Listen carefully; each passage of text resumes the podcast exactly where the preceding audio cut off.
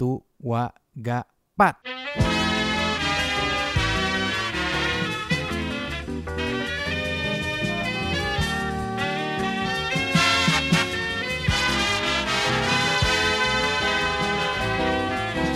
Anda sedang mendengarkan The Bernhard Para Show. Edar Maradesa. Bernhard Faras. Apa kabar Edar? Baik dong, alhamdulillah. Udah lama ya kita nggak ketemu ya? Eh, karena sibuk, Karena jadi nggak pernah ngitung berapa lama kali. Alhamdulillah sibuk masih Alhamdulillah ada sibuk. aktivitas lah ya. Harus dong. Siap. Nah, justru gue bingung nih memperkenalkan Edar Maradesa nih karena Edar yang Maradesa yang gue tahu pengajar iya, MC iya, freelancer handal gitu. Freelancer Jadi handal. apa sih sebenarnya Edar Maradesa tuh kalau bisa ngeklaim diri lo sendiri atau menjelaskan diri lo dalam simpelnya tuh apa Edar tuh siapa? Kalau kalau gue bilang diri gue, eh, maksudnya statusnya sebagai independent worker sih sebenarnya. Apa itu independent worker? Eh, independent worker itu maksudnya tidak terikat dengan sistem yang dibuat oleh perusahaan lain. Maksudnya gue nggak bekerja di bawah di bawah perusahaan lain. Jadi benar-benar ngelakuin hal yang gue bikin sendiri. Ya nggak sih? Ya kayak bapak Ben lah. Oke, independent worker. Hmm. Nah, itu kata-kata yang memang baru lo buat di Hmm. tahun-tahun ini. Karena gue belum pernah mendengar kata-kata itu Oh ya? dari Edar Maradesa. Atau dari kapan lo memakai kata-kata independent worker? Udah lama sih sebenarnya, udah lama. Cuman untuk ngejelasin ke orang itu orang lebih pahamnya freelancer kan. Hmm. Orang lebih pa- eh, orang lebih pahamnya freelancer. Ya lo mau bikin orang nggak paham nih? bukan bikin orang nggak paham tapi bahasa lain dari freelancer sebenarnya independent worker menurut gua gitu jadi gue lebih senangnya dibilang independent worker sih lebih, lebih profesional aja bahasanya gitu Jadi apa yang lagi lo persiapkan sekarang? Dan Eh, sekarang kegiatan lo dulu deh sebelum lo mempersiapkan mungkin kegiatan lo tuh sekarang apa sekarang? alhamdulillahnya gitu ya maksudnya di 2020 ini tuh udah mulai banyak hal yang lebih terspesifik di di dibanding tahun-tahun sebelumnya itu kayak masih mencoba banyak hal gitu kan Oke. dan nggak apa-apa kan sebenarnya kalau kita nyobain banyak hal untuk tahu pada akhirnya kita tuh senang di mana Iya. dan mana yang mana yang benar-benar uh, bisa lebih membuat kita jadi lebih baik gitu jadi kalau misalnya sekarang aktivitas gue adalah fokus ke public speaking itu sendiri Hmm. Nah, public speaking itu kan banyak banget ya. Uh, MC juga public speaking. Terus sebagai trainer atau public speaking coach juga itu bagian dari public Public speaking. speaking, ya. Jadi kalau bisa dibilang saat ini aktivitas gue adalah sebagai public speaking coach, MC dan sedang mengembangkan usaha. Gitu sih. Edar ini gue kenal sebagai freelancer sejati. Freelancer sih. gini gini gini MC itu banyak di Indonesia banyak di dunia banyak apalagi di Jakarta juga banyak kan Iya. bener nggak Ah, kalau iya. gue salah coba lo koreksi benar, gue ya benar, benar, kayak kalau lo lihat deh di Jakarta Selatan aja nih karena Ah. tempat kita Jakarta Selatan ada Iya. berapa banyak sih MC Waduh, gitu Pak, mohon maaf. tapi banyak banget kan ya Banyak banget, maksudnya lebih spesifik juga kalau ke wedding juga banyak banget. dan gitu. terus bertumbuh nggak sih dan dan terus bertumbuh orang yang Iya. pengen jadi MC hmm. karena sebegitu bagusnya maksudnya dalam artian eh, lu kerja sebentar duitnya langsung cair ya gitu. Dan ya ya itu. Nah kenapa gue tertarik untuk ngundang Edar karena ceritanya nih unik banget. Kenapa nih? Lo dari Gorontalo ya? Iya. Ya, dari Gorontalo di mana lo merantau ke Jakarta. Mhm. sekarang umur lo 28 iya mau 29 gue 91 sih. Lo 91 bener nggak sih? 91 iya dua masa lo lupa sih ulang tahun? Iya sekarang udah lama udah saya nggak pernah menghitung. 9. nah dari Gorontalo umur berapa dan 2013 tepatnya sih 2013 berarti 22 kira-kira iya pokoknya lulus kuliah tuh 2221 lah ya 21 22 ya iya oke Sorry nih Kenapa Ban, ke gue Jakarta? gue tuh nggak lu- lupa sama hal-hal seperti itu. Karena it's okay, kayak it's itu okay. banyak banget yang harus lo ya lo Iya. ingatan lain oke but let's say umur 22 which is lo udah lulus kuliah ya Mm. lo udah lulus kuliah langsung ke Jakarta belum sih sebenarnya uh, prosesnya juga lumayan karena uh, harus minta izin sama orang tua dulu gitu. Ya di Sulawesi itu kan sebenarnya salah satu salah satu salah satu kebanggaan dari orang tua itu ketika anaknya lulus kuliah dan jadi PNS. oke Jadi orang tua pengennya jadi PNS. Iya, Dan budaya. kuliah lo waktu itu jurusannya apa? teknik informatika Teknik sistem informatika, informasi sistem informasi. iya gitu Oke. jadi nggak munafik di Sulawesi banyak banget banyak banget teman-teman teman-teman gua yang memang ketika mereka lulus kuliah pengennya masuk PNS gitu Hmm. karena di pikiran mereka adalah PNS itu suatu menjanjikan yang masa depannya udah aman gitu Oke. karena ada karena ada uang pensiun Tapi orang tua PNS. enggak Orang tua bukan PNS. Cuma pengen Orang- anaknya jadi PNS. Eh, keinginan yang tidak terungkap Oke. Karena karena banyak dukungan dari keluarga lainnya dari ring 1, ring 2, ring 3 sampai akhirnya orang tua pengen seperti itu Intinya tapi di balik doa orang tua setiap malam pasti anakku jadi PNS. iya tapi Oke. tidak spesifik kayak harus yang seperti apa seperti apa seperti apanya gitu Hmm. cuman kan dari gue pribadi nggak tahu kenapa em, kayak ada satu yang ada satu yang yang bergejolak itu pengen ke Jakarta Oke.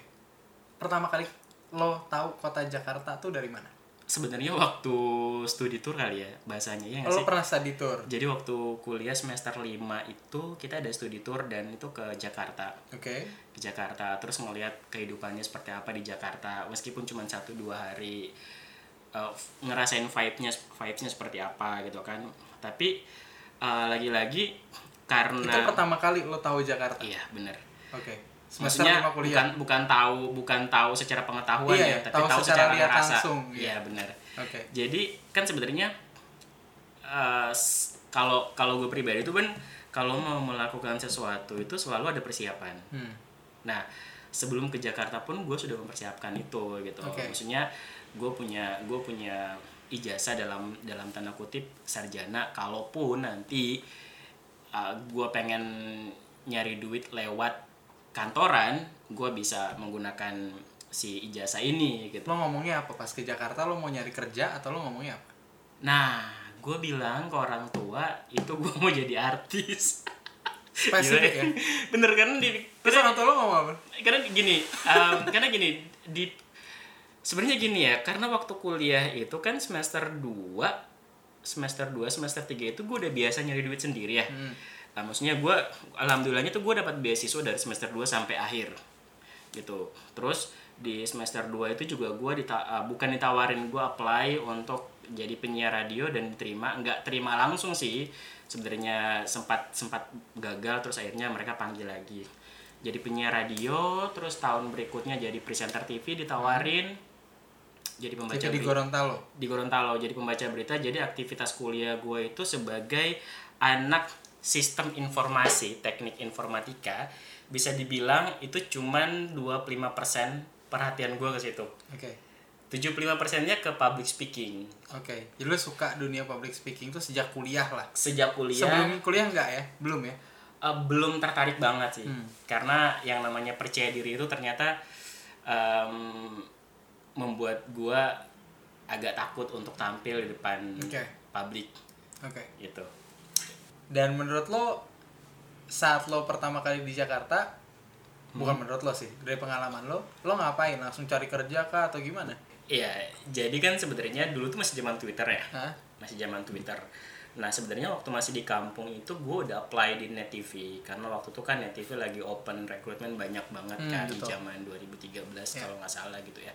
Terus lo apply. berharap jadi apa reporter presenter Gua nggak berharap jadi apa, yang gue berharap gue masuk di situ. mau jadi apa pun yang Mau penting jadi masuk apa pun, aja gua dulu. masuk di situ, Tapi berarti gitu. lo keinginan lo mau kerja dong di situ berarti Jadi besoknya hari besoknya itu bukan ke Net TV dulu sebenarnya, jadi ke Trans. hmm. oke Iya benar, jadi ke Trans karena waktu itu di Twitter lagi ada info casting. hmm. Nah, perjalanan perjalanan stripping casting gua. stripping casting itu kalau orang kan stripping syutingnya, Bud. Maksudnya kayak hari ini syuting apa jam berapanya gua casting coy. jadi Iya, maksudnya lu nggak dibayar gitu kan. oke Nah, itu ke, ke Trans dulu karena ada ada ada info casting kayak program apa waktu itu gue lupa. Terus akhirnya ke sana dan ketemu teman-teman gue yang sampai saat ini masih berteman sekosan kita bareng. oke Ya lagi-lagi dari situ nggak dapat. sama sekali nggak dapat lo Iya, casting berapa kali sih Wah bisa dibilang banyak banget sih ya. Dua tahun pertama di Jakarta itu gue stripping casting banget yang sehari itu bisa 3-4 kali. dalam sehari dalam sehari dengan modal lu nggak tahu jalan lu Oke. naik transportasi umum Enggak, tapi lu bawa modal berapa tuh? Dari Gorontalo tuh uang lu bawa berapa? Karena tiga ke- sampai empat kali stripping casting lu juga capek, lu butuh nyewa, lu butuh nyewa tempat tinggal, lu butuh makan. Itu bawa berapa deh? jadi waktu itu kalau nggak salah gue dikasih 5 juta ya sama nyokap Hah? Sama Habis nyokap- dalam nyokap waktu? tuh 5 juta gue nggak tahu udah lupa bang sebenarnya Hah? habis dalam waktu berapa lama dan itu kayak udah uang tiket Hah? dan tempat tinggal kan gue nggak bayar sebenarnya Ya, oke. gitu kan tempat tinggal gue nggak bayar cuman paling patungan Oke. gitu patungan apalah gitu kalau kita pengen beli apa beli apa jadi waktu masuk ke dua tahun jadi kan bokap tuh punya target ya tiga tahun dia bilang gitu kalau nggak dapat balik Oh, jadi lu dikasih target lah ya, deadline nih. iya ada Tiga deadline tahun mau nggak sukses, balik gitu. nggak dapat apa yang lu pengen Nah, balik tapi gitu kan bokap, bokap lu baik juga ya. Tiga tahun tuh lama dan.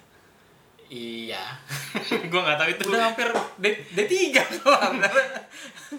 jadi eh, di tahun kedua itu ketika nyokap bilang mama sama papa harus mutusin uang jajan Hmm.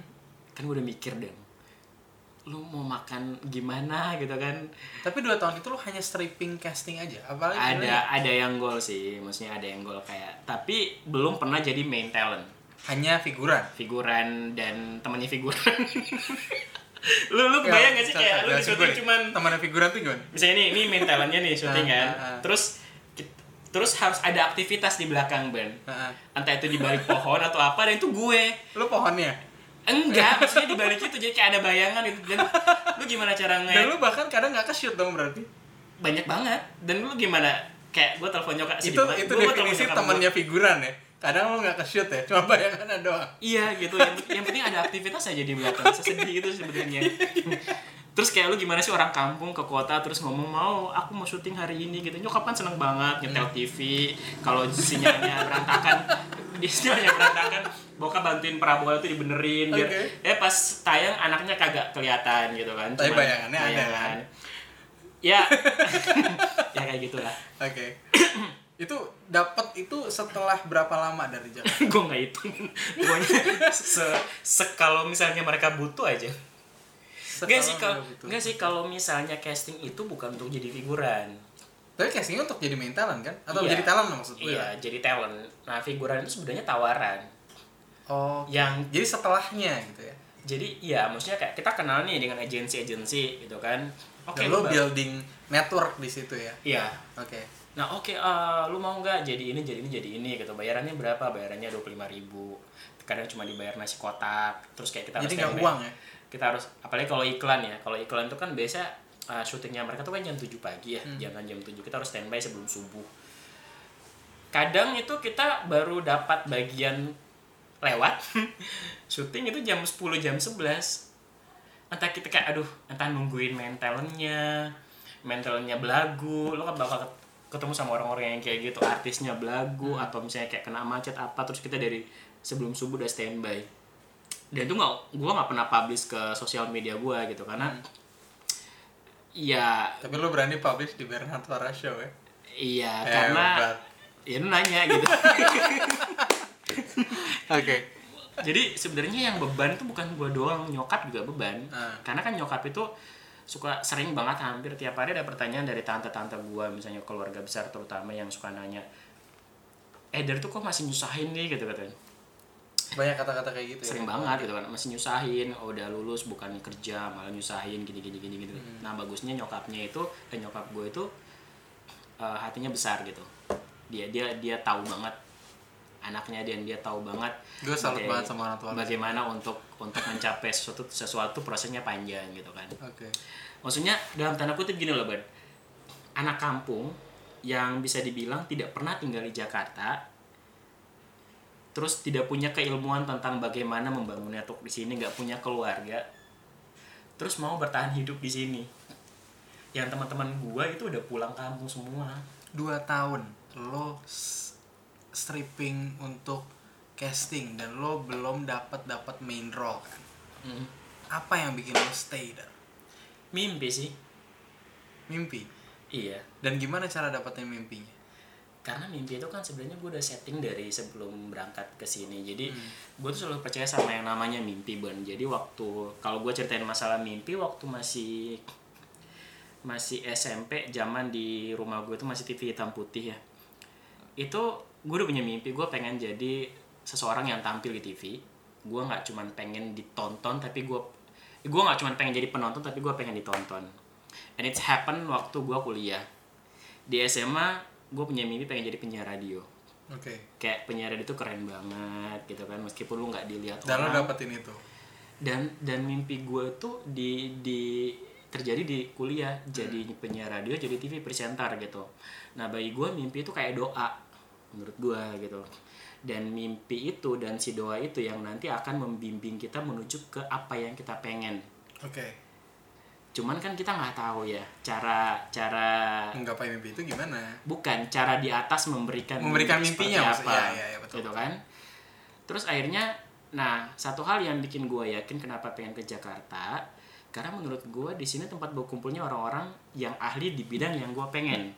Misalnya MC itu part of entertainment ya enggak bagian dari uh, dunia atau bisnis entertainment entertainment industry ya nggak sih Oke, tapi belum ke MC-nya nih. Iya. Maksud gue dua tahun di Jakarta lo memimpikan lo menjadi seorang artis yang dikenal talent Hmm. main talent gitulah ya jangan boro-boro pemeran utama lah pemeran pembantu pun Hmm. gak apa tapi talentnya gitu kan bukan figurannya dua tahun akhirnya lo di cut kan si uangnya itu dari Iya. orang tua Hmm. terus lo ngapain gimana Ah. sebelum kita ke MC Nah, akhirnya di situ kalau bisa dibilang kayak titik balik gua untuk untuk lebih fokus lagi. Jadi di masuk tahun ketiga di Jakarta, gue tuh udah mulai mikir gini. dan dua tahun itu cuma stripping itu aja, Iya. aja. lo nggak ngapa-ngapain lagi Ada sih, maksudnya gabung ke komunitas-komunitas public speaking. Jadi Oke. kayak sempat gabung di komunitasnya uh, 360 itu punyanya punyanya Valentino Jebret, Simanjuntak Oke. yang itulah. oke Nah, em 2000 eh, masuk tahun ketiga itu gue udah mulai mikir Bon. Jadi ngapain gue ngelakuin hal yang tidak ada di diri gue dan kenapa gue tidak melakukan hal yang sudah ada di diri gue tinggal gue kembangin. Oke. Which is public speaking. Nah akhirnya di situ titik balik gue untuk fokus ke public speaking sebagai MC di tahun ketiga saat di tahun ketiga iya. Nah di tahun ketiga udah mulai fokus udah mulai uh, bangun bangun networking sama orang-orang. Oke. jadi gue itu gue itu nyari orang itu lewat sosial media. Misalnya gue pengen ketemu dia gue DM lo nelfonin ke ah enggak sih. siapa? Jadi, jadi lewat lewat itu. Kayak misalnya sesimpel kayak assalamualaikum saya Dharma Desa uh, saya tertarik saya terinspirasi dengan dengan dengan kata-katanya Mas A B C Mas ini gitu kapan-kapan boleh dong ketemu pengen sharing-sharing gimana sih caranya A B C D. Begitu. Terus hal lain yang gue lakukan adalah cari komunitas sih. Oke. Komunitas job yang pertama lo jadi MC apa di sini ya? Iya. Em, nah job pertama gue jadi MC adalah MC yang gue bikin sendiri. Acaranya. Acaranya lo so bikin sendiri? kalau bisa dibilang gini ban. Kalau bisa oke gini. Jadi lo Ah, tidak di hire orang. Kalau mau ngumpulin portofolio lah jadi gini sih Portfolio. kalau gue bisa bilang gini gue selalu gue selalu lempar pertanyaan ke ke teman-teman yang ikut seminar gue bilang gini. Kalian menjadi orang yang waiting something atau creating something? Oke. Iya kan? Nah kalau gue pilih create something oke. karena menunggu itu membosankan. Itu acara apa sih dan Nah, Yang lo waktu itu, itu acara apa? waktu itu lo acara nggak mungkin mengulang tahunkan diri lo Bukan, sendiri kan bukan kan Jadi ya. waktu itu gue gabung di remaja masjid Pondok Indah. oke Nah, Gema? ke Gema generasi muda masjid Raya Pondok Indah gitu. Jadi di situ uh, gue mengajukan diri untuk jadi generasi muda bagian dari mereka. Nah di situ kita creating program kebetulan di bulan Ramadan. oke Dan gue bilang MC-nya gue. Lu yang yang mengajukan Iya, sendiri karena MC-nya program itu gue yang bikin. oke. Oke. Gitu. Jadi uh, dari situ gue coba kumpulin portfolio foto dari situ udah mulai banyak ada beberapa tawaran gitu. Kapan tawaran paid job tuh lo berapa kali MC dapat paid job? Hmm, dua kayaknya gue bisa baru bisa bilang secara profesional tuh 2016 deh. Berarti udah berapa kali MC setahun setelah Setahun gua nge-MC. memutuskan untuk fokus ke public speaking kan Oke. 2013 14 itu kan gua masih simpang siur tuh Iya, 15, Lima- lo 15 gua fokus baru ke mulai MC iya gitu dan 16 baru dapat bayaran pertama sebagai MC bisa dibilang as a profesional as a professional MC. iya gitu kalau dulu kan berapapun dibayar oke ambil gitu kan Tapi enggak, tapi yang pertama kali dibayar itu kapan? 2015 sudah pernah dibayar. 2015 sudah pernah dibayar Itu acara apa? acara apa ya gue lupa ban Dan dapatnya dari mana? Eh, dari yang punya event sih Oh, eventnya nawarin lo karena pernah lihat lo MC. yes iya MC yang lo bikin-bikin sendiri itu. iya event yang gue bikin Oke, berapa kali lo bikin-bikin event sampai dapat job pertama yang bayarannya berapapun terserah? dulu gue juga tergabung di salah satu lembaga terus uh, kita bikin event apa seminar seminar seribu guru Hmm? Jadi kita menghadirkan seribu guru dalam satu hari Hmm? di ruangan dan mereka itu dapat pelatihan dari dari trainernya dan gue sebagai MC-nya Oke. tapi sebagai bagian dari kreator eventnya juga Oke, dan tadi Eder membedakan nih. Kan tadi MC dibayar terserah. Hmm. Berarti terserah tuh minimal berapa, Dar? Nggak tahu terserah mereka pokoknya yang Kadang nasi bungkus pun diterima aja ya. karena di pikiran gue yang penting gue dapat event dulu Portfolio dapat itu panggung setahun dulu. tuh lo gitu aja terus. iya Dan saat lo Menyedihkan nggak sih? prof- itu perjuangan orang sih gua rasa gua rasa menyedihkan Eh, ya nggak apa-apa dong maksudnya kan lo mengumpulkan portfolio dan lo percaya diri lo di situ lo punya dream baru yang selain artis lo juga Selain udah udah udah udah tidak Sorry, gua bergantung kepada orang tua lagi kan di situ kan. Dan tidak bergantung secara penuh. Secara oh tapi masih disupport kalau kepepet. Ngomong. Iya dong. Oke. Nah, terus habis itu lo ngomong profesional MC itu saat dibayar berapa, Dar? Atau indikator lain selain dibayar tuh apa? Lo ngomong profesional MC itu nah apa? uh, menurut gue kalau ngomongin bayaran secara profesional itu ketika ketika kita bisa ngebedain antara cost, uh, value sama price. Hmm. gitu kan. Jadi em, kalau dulu kan gue nggak pernah ngitung costing gue berapa. Bahkan bisa dibilang minus kan. Ketika ketika misalnya mereka bayar kalau dibandingkan dengan apa yang gue keluarin gitu loh. Nah gue mulai dibayar profesional itu 2016 ketika gue punya price. Jadi ada untung di situ. Oke. Gitu ada untung nah Jadi sebelumnya nggak untung ya, karena lo ngitung nggak logistik nggak atau mikir apa. itu malah gitu Oke. kan nggak mikir untung atau enggak yang penting kayak ada duit masuk padahal kalau dihitung-hitung lagi flashback ke belakang ternyata pengeluarannya lebih banyak, Lebih banyak. gitu kan Oke, oke. nah SMC juga kan sebenarnya kalau misalnya kita mau berpikir secara bisnis gitu bisnis jasa kan ada hitung-hitungan bisnisnya juga ya nggak sih Betul. Ada hitung-hitungan bisnisnya juga kayak berapa yang lo keluarin dan yang lain-lain terus value yang lo punya mau dihargai berapa gitu jadi itu baru mulai kepikiran di 2016 Dan itu lo dibayar berapa tuh waktu itu? Pertama kali profesional. gue harus bilang Iya dong, sharing dong, biar yang lain juga bisa terinspirasi, Dar. waduh eh gue oke Ini awal tidak diharuskan sih, tapi Iya. dianjurkan. Siap. Oke. Kalau misalnya gue bisa bilang nggak, eh, oke gue bilang eh, event wedding aja ya, event wedding yang masih Dan pertama tuh wedding yang profesional tuh wedding. gue lupa yang mana bun Oke, sebenarnya. oke. gue lupa yang mana. Cuman kalau bisa gue bilang wedding pertama gue di Jakarta itu gue dibayar 250.000 ribu. Sepuluh ribu di tahun 2016. Aha. Oke, itu udah profesional menurut Eda. Maksudnya gue mulai memikirkan untuk Oh mentarifkan itu diri. mulai memikirkan. Oke. Iya gitu. Tapi Maksudnya itu balik nggak sih 250 ribu saat itu? sebenarnya Kan- sebenarnya sebenarnya ada untungnya karena kebetulan tempatnya dekat rumah. Oh jadi logistik nggak terlalu masalah. Iya transportasi dan pakaian ya gue pakai baju yang memang sudah ada Oh nggak nyewa. nggak nyewa Oke. gitu secara kalau ngomongin secara untung ya masih untung gitu jadi cuman kan eh, makin ke sini makin ke sini ah, ada hal lain yang harus kita pikirkan SMC bukan cuman bukan bukan cuman yang penting lu bisa gitu lah Ben di situ sebelumnya lo masih mikir yang penting lo bisa. Iya. Di situlah lo baru mikir lo harus lebih profesional lagi. makin ke sini makin ke sini maksudnya gue nge-MC di beberapa gedung mewah yang ada di Jakarta hotel bintang 5 jadi gue ngeliat bahwa kebutuhan mereka itu bukan cuman MC yang bisa MC sekarang itu di 2019 2020 eh, sudah mulai memikirkan hal-hal lain. Bukan cuman MC itu bisa MC tapi ada ada ada ada ada hal lain yang harus jadi bahan pertimbangan. Kayak misalnya gini kenapa kenapa gue harus pakai burn? Kenapa gue nggak pakai dia? Hmm. gitu kan?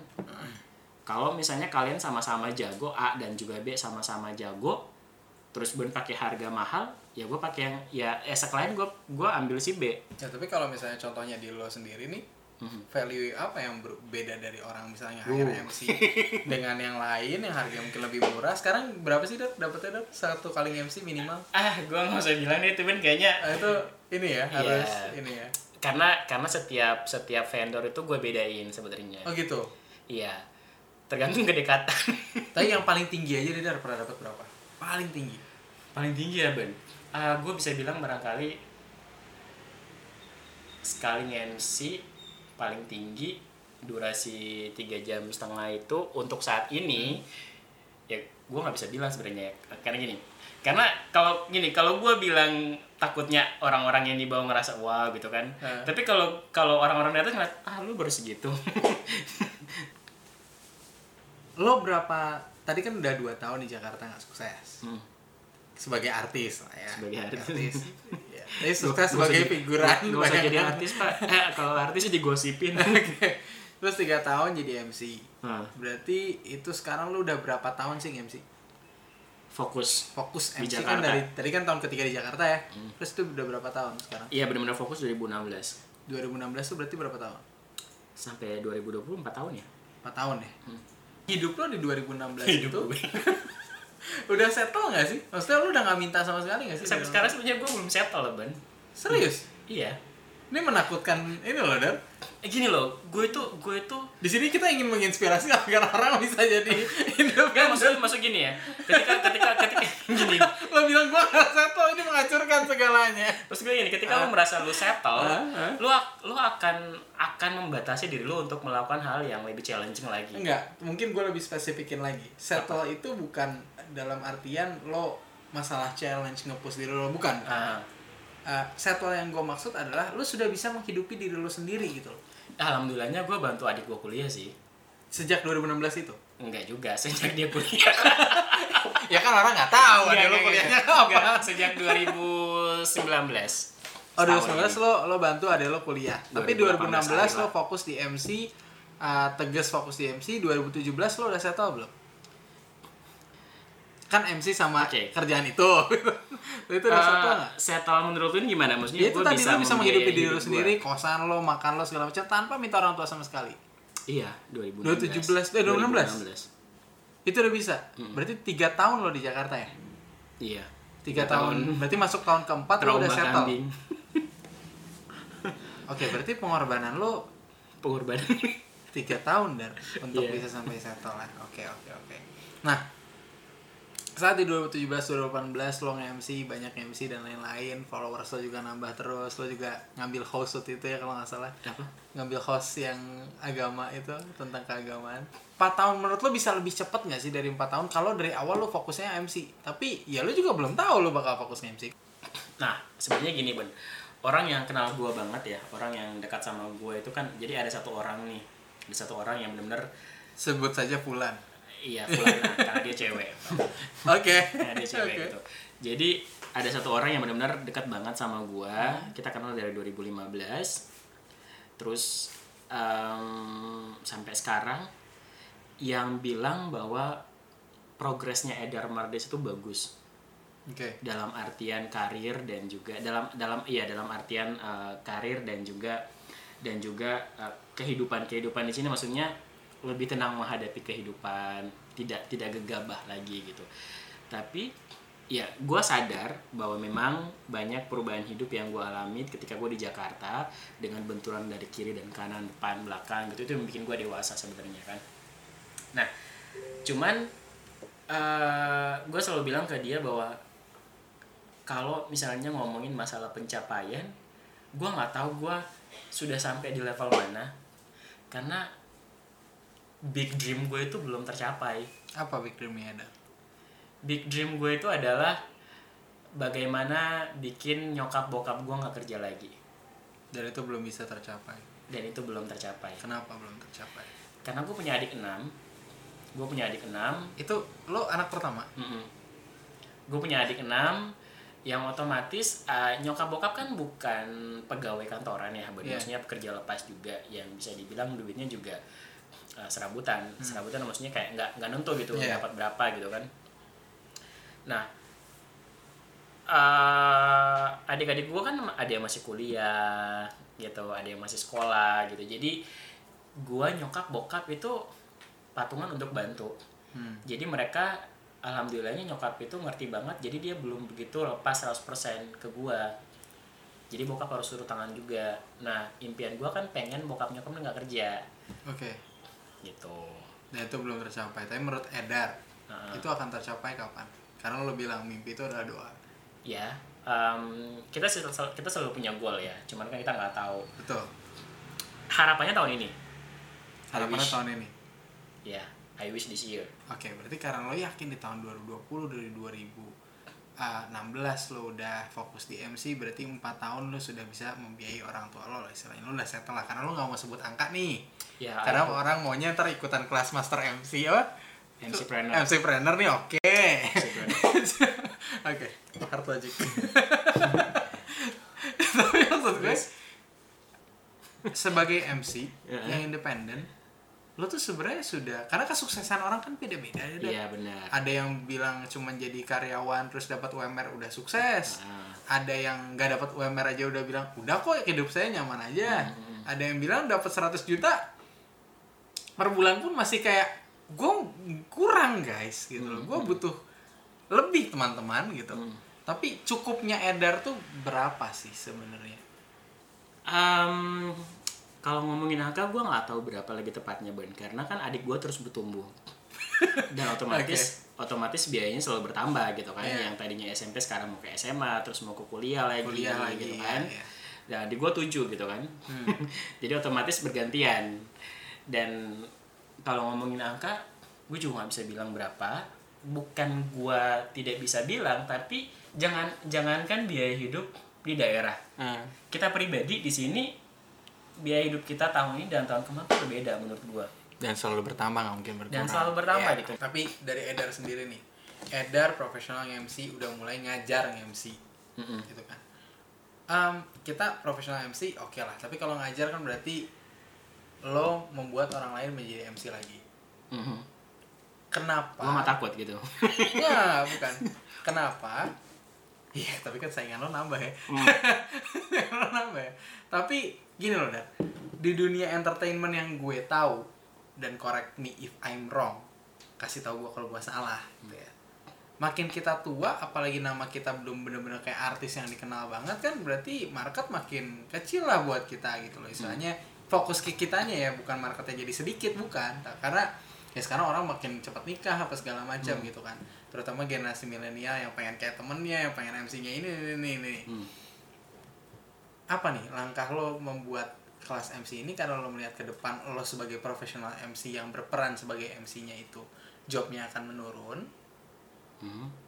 dan value-nya tuh sulit untuk ditingkatkan lagi di umur yang udah mau 29 ini Mhm. makanya lo bikin kelas MC biar ada pivoting ke ke business monetization dari cara yang lain atau ngambil duit dari yang lain atau apa sih sebenarnya itu nggak sih bener atau salah Oke, em, ka- kalau gue tuh gini bun. Kalau misalnya kita ngomongin masalah level, kalau kalau gue ya di kelas di kelas public speaking gue itu gue selalu bilang bahwa ada empat level seseorang untuk bisa eh, jadi seorang profesional. Jadi kayak kenal, eh, suka, percaya, yakin, hmm. Gitu kan. Nah di level jadi beberin semuanya ada ntar nggak ada ikut kelas lo nggak apa-apa nggak apa-apa nggak apa-apa. Kan supaya mereka lebih penasaran gitu. Oh, iya. jadi dari level ini kan gue sadar nih Burn Hmm. gitu gue sadar. Jadi gue lagi menuju ke level yakin yang mau ngambil uh, lingkarannya lebih besar nih skopnya lebih besar. Oke. Gitu prosesnya masih panjang. Jadi kayak harus banyak harus gue gue lakuin sebagai penunjang untuk value gue itu naik. Ya tapi kalau misalnya mau ditanya secara secara apa ya secara religi kali ya bisa bahasanya. Gue selalu yakin dari dulu sampai sekarang bahwa ketika gua ketika kita ngebantuin orang ya Allah akan bantu kita. Oke. Gitu. So kelas-kelas public speaking sama MC planner kan gue punya kelas gratis juga gitu atau misalnya sharing dengan orang lain. Bagi gue kalau misalnya gue bantu mereka gue tidak berharap mereka bantu gue ban karena gue tahu yang akan bantu gue yang di atas dan gue berharap itu. Oke. so untuk bisa is- istilahnya bahasa gue adalah untuk lu bisa ngambil hati si pemilik rezeki nih ya lu harus bermanfaat buat orang banyak. buat orang banyak sih. Nah. Walaupun rezekinya belum tentu dari eh, sebagai MC profesional bisa jadi dari yang lain ya. Ya kayak gitu. Jadi em, apa namanya yang tadi gue bilang, maksudnya public speak kayak public speaking itu kan luas ya Bang ya. Maksudnya bukan cuma sebagai MC, sebagai pengajar yang yang pokoknya intinya aktivitas yang berhubungan dengan publik. Dan yang tetap mau fokus di situ ya? Iya gitu. Jadi kalau bisa dibilang em, jujur nih ya kalau misalnya kita ngomongin masa secara teknik gitu. Teknik dan skill yang dibutuhkan MC belum tentu dibutuhkan oleh seorang trainer. oke Benar?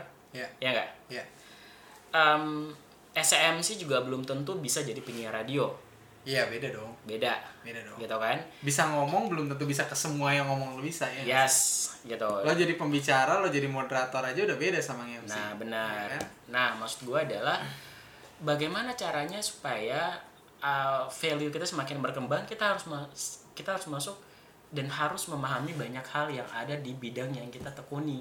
Hmm. jadi gue nggak cuma nggak cukup puas di MC gue harus cari tahu yang lain. Maksudnya gue punya pengalaman sebagai penyiar radio selama empat tahun sebagai presenter TV atau misalnya sebagai news anchor gitu selama empat tahun juga pernah pernah pernah punya program talk show wawancara mulai dari yang bukan pejabat sampai pejabat yang secara otomatis pendekatan kita berbeda ya nggak Hmm. pemilihan pertanyaan ekspresi yang kita berikan tuh berbeda ya nggak sih Iya.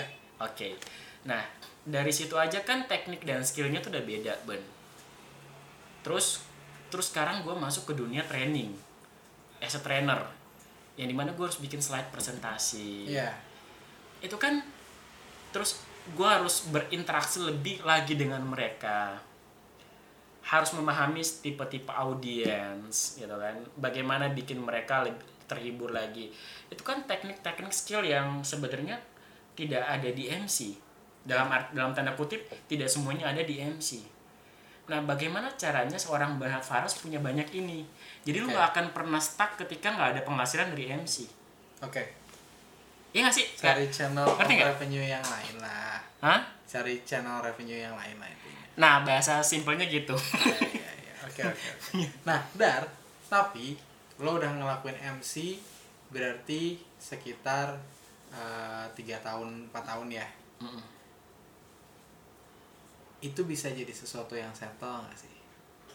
MC. MC, jadi hidup dari MC aja. Nah, Ben, em, oke, kita ngomongin masalah Gak dari training, dari apa? Dari MC aja. siap. gue selalu mencoba memberikan jawaban selalu ada reason why-nya kan. Nah, Tapi iya nggak dulu nih. oke siap. Simpelnya dulu nih. Ah, kayak gini. Ini Eh, pekerjaan lo nih, Dar. Yang udah lo paham lama nih. gue paham gue paham itu itu uh, itu gue udah sadar sesadar sadarnya dari 2018 2019 semakin sadar lagi dan 2020 udah sadar banget Sadar apa nih? sadar tentang yang pertanyaan Pak Benhard Faras tadi Hmm. gitu jadi gini Karena udah Eh, umur mau 29. jadi gini Udah mau nikah. era disrupsi itu kan selalu ada ya Bon ya Iya. kita udah ngelihat bahwa orang yang yang bisnisnya udah gede aja juga Bisa. bisa tenggelam gitu kan Tenggelam. kalau misalnya kita nggak siap dengan keran air yang lain ya kita bisa stres karena kita nggak punya pemasukan. Keran air itu maksudnya pemasukan. Nah yang tadi gue bilang sama Bernard gitu gue tidak bisa menjamin bahwa gue akan selalu uh, sustain di MC gitu karena as a self employee ada masanya ya nggak? Oke. entah usia lu bertambah dan atau talent yang lain semakin oke datang atau tiba-tiba lu sakit ya kan? Nah kalau misalnya kita cuma mengharapkan dari satu keran menurut gue kita akan stres. Nah itu kenapa di di usia segini di di, di segini nih kalau misalnya teman-teman gue bilang Eder lu tuh belum settle di MC ya I know. Tapi menurut gue dari 10 sampai 100 gue bisa bilang 80% gue udah menguasai MC dan gue pengen nyoba hal yang lain. Oke. yaitu as a trainer gitu. Jadi maksudnya yang tadi gue bilang gue pengen bikin gue pengen buka banyak keran air tapi di bidang yang sama Ben Oh, tetap di lingkup MC, cuman caranya aja berbeda gitu ya. di lingkup public speaking lebih tepatnya Oh, public speaking secara Iya. umum. Oke. Setelah lo oke trainer, let's say it's a, a success and let's say it's not. Ya bisa dibilang mungkin rasa sukses atau enggak gitu kan dan ya lo tahu lo mentraining orang juga ntar bakal banyak trainer lagi udah sekarang tadi. MC udah makin banyak trainer makin banyak Iya. gitu kan di masa depan. Aha. let's say ya kita bilang lima tahun deh. Mhm. apakah trainer dan MC ini aja yang Edar mau fokuskan atau ada yang lain yang mungkin dibayangkan? Kayaknya pernah kebesit kayaknya bukan MC dan trainer aja deh. Ya tadi kan gue lagi bangun WO oke. Jadi WO next stepnya. WO dan bisnis baju ya gue nggak bisa WO gue nggak bisa bilang WO next step ya tapi WO itu yang sedang gue bangun sekarang. Hmm. maksudnya kalau bisa bilang next step kan berarti ini bakal gue tinggalin ya nggak? Hmm. tapi ini nggak akan lo tinggalin? Nggak sampai kapan? Selama gue masih dipakai gue akan akan tetap menjalankan profesi ini. Karena sebenarnya gue tuh senangnya gue tuh orang yang senang sharing knowledge ban dari zaman kuliah kan maksudnya dipercaya sebagai asisten dosen. Jadi kayak senang ngajar itu sarang berbagi itu dari kuliah. Oke. Jadi as a trainer gue menikmati banget. Menikmati banget gitu. Maksudnya gue ngerasa bahwa cara gue belajar adalah dengan berbagi. Oke. Jadi gue gue sadar banget kemampuan public speaking dan MC gue saat ini eh, bisa seperti ini karena gue berbagi dengan orang. Oke. Iya. Oke. Cool Edar. Dan saat lo sekarang ini udah umur 29 ini. Iya lo ngerasa lo salah jurusan gak sih dulu? Oke itu pertanyaan juga dari teman-teman terutama teman-teman kuliah atau keluarga. Lu salah jurusan gak sih? Iya. Lo salah jurusan? Gue bisa bilang mungkin salah karena sebenarnya gini eh, waktu SMA kan gue IPA ya. Heeh. IPA gitu. Terus kayak di pikiran gue itu waktu di zaman SMA gue itu kayak zaman di mana kita baru belajar komputer ya tapi belum terlalu dalam. Hmm. terus kayak di pikiran gue jadi IT itu keren gini gini gini gitu.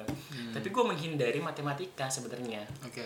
Jadi pas lulus lulus kuliah gue masuk teknik informatika dan gue salah dan ternyata lo itu nggak pernah kerja ngoding ya? Sampai sekarang nggak pernah ya? nggak mau. Programmer nggak Iya. pernah kan dan nggak mau gitu kan? Nggak mau. Gue bikin program kalkulator aja gue lama dan teman-teman gue cuma sebentar gue lama banget bikin program kalkulator. Ya tapi kan lo punya expertise di yang lain lah. Tapi gue tidak menyalahkan secara 100% Oke. Ban, karena kuliah itu kan membuat gue jadi lebih disiplin membuat gue le- jadi lebih jadi li- lebih lebih menganalisis sesuatu lebih mempertimbangkan plan A plan B nya gitu. Kayak di kuliah itu diajarkan semuanya menurut gue. Jadi kayak uh, apa leadershipnya karena gue juga gabung di organisasi terus bagaimana mencari teman baru bersosialisasi dengan orang berkomunikasi dengan orang yang usianya di atas kita di bawah kita setelah itu itu gue belajar semua di kuliah jadi gue bisa dibilang gue tidak menyalahkan 100% jurusan gue karena gue belajar dari situ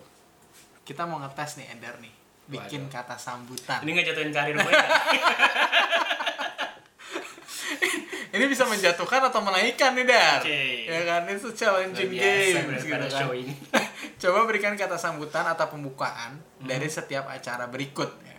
Iya pembukaannya aja ya pembukaannya ya. Hmm. apakah beda-beda atau enggak ya terserah ya. Oke siap. Langsung aja ngomong tanpa lo harus mikir dulu gue harus duduk begini nih bang. Oke. Oh ini penting ya postur ya. Uh, proporsional oke. Apa? coba ngomongnya ke situ. Nah sip. Oke sekarang satu. Enggak enggak satu resepsi nikah. Assalamualaikum warahmatullahi wabarakatuh. Selamat malam Bapak Ibu hadirin, tamu dan juga perundangan yang berbahagia. Selamat datang kami ucapkan di gedung Bernard Farash Show pada malam hari ini Rabu 12 Februari 2020 Bapak Ibu hadirin tamu dan juga perundangan yang berbahagia, sebelum kami menyambut kedua mempelai, kami minta kepada Bapak Ibu berkenan untuk berada di sebelah kanan dan juga kiri dari red carpet yang akan dilewati oleh kedua mempelai dan boleh berikan tepuk tangan yang paling meriah untuk menyambut kedua mempelai. Ini dia Rani dan Akbar. Bridal shower. Apa? Bridal shower. Bridal so- shower tuh nggak uh, bridal shower itu Gak butuh MC. gimana bukan gimana? nggak butuh MC Gimana sih gimana kayak, bridal shower? kayak biasa aja Gimana? kayak Coba coba gimana yang biasa? Gimana gimana ya? Kayak, Gimana? Be- Bedanya apa nih bridal Rani shower? sama Akbar ya Iya. jadi Si Raninya doang deh yang bridal. jadi jadi Yang sih si Akbar lagi shower. jadi sebenarnya sebenarnya sih gini ya Ben, Nah. Eh, ben teknik dicoba dulu, dicoba dulu, dicoba Oke, dulu, siap. dicoba dulu. selamat eh, selamat malam teman-temannya Rani apa kabar sehat Sehat. sehat Kayak itu bukan teman-teman Rani deh. Ini yang temannya Rani yang mana nih Saya bang. yang temannya Akbar Saya bang. Oh, itu. Wih, teman sudah tahu dong kalau misalnya Rani sama Akbar ini bahkan melangsungkan pernikahan di tanggal 30 ya. Iya. Iya, iya, iya. sih, Akbar. Iya. Tanggal 30. So, saya sebagai MC mewakili Rani mengucapkan terima kasih teman-teman yang sudah hadir, terutama teman-teman dekat dari Rani di acara bridal show- showernya Rani malam hari ini. Kita akan senang-senang pastinya. Boleh semuanya yang masih berdiri duduk karena kita akan segera memulai acara. Oke, oke. Family gathering. family gathering. Um, Assalamualaikum warahmatullahi wabarakatuh. Selamat malam. Eh, itu nah intonasinya kayak wedding ya. Oke, Oke. coba. Assalamualaikum warahmatullahi wabarakatuh. Selamat malam Bapak Ibu tamu dari Emirates Airlines. Selamat datang saya ucapkan di Hotel Ritz Carlton pada malam hari ini.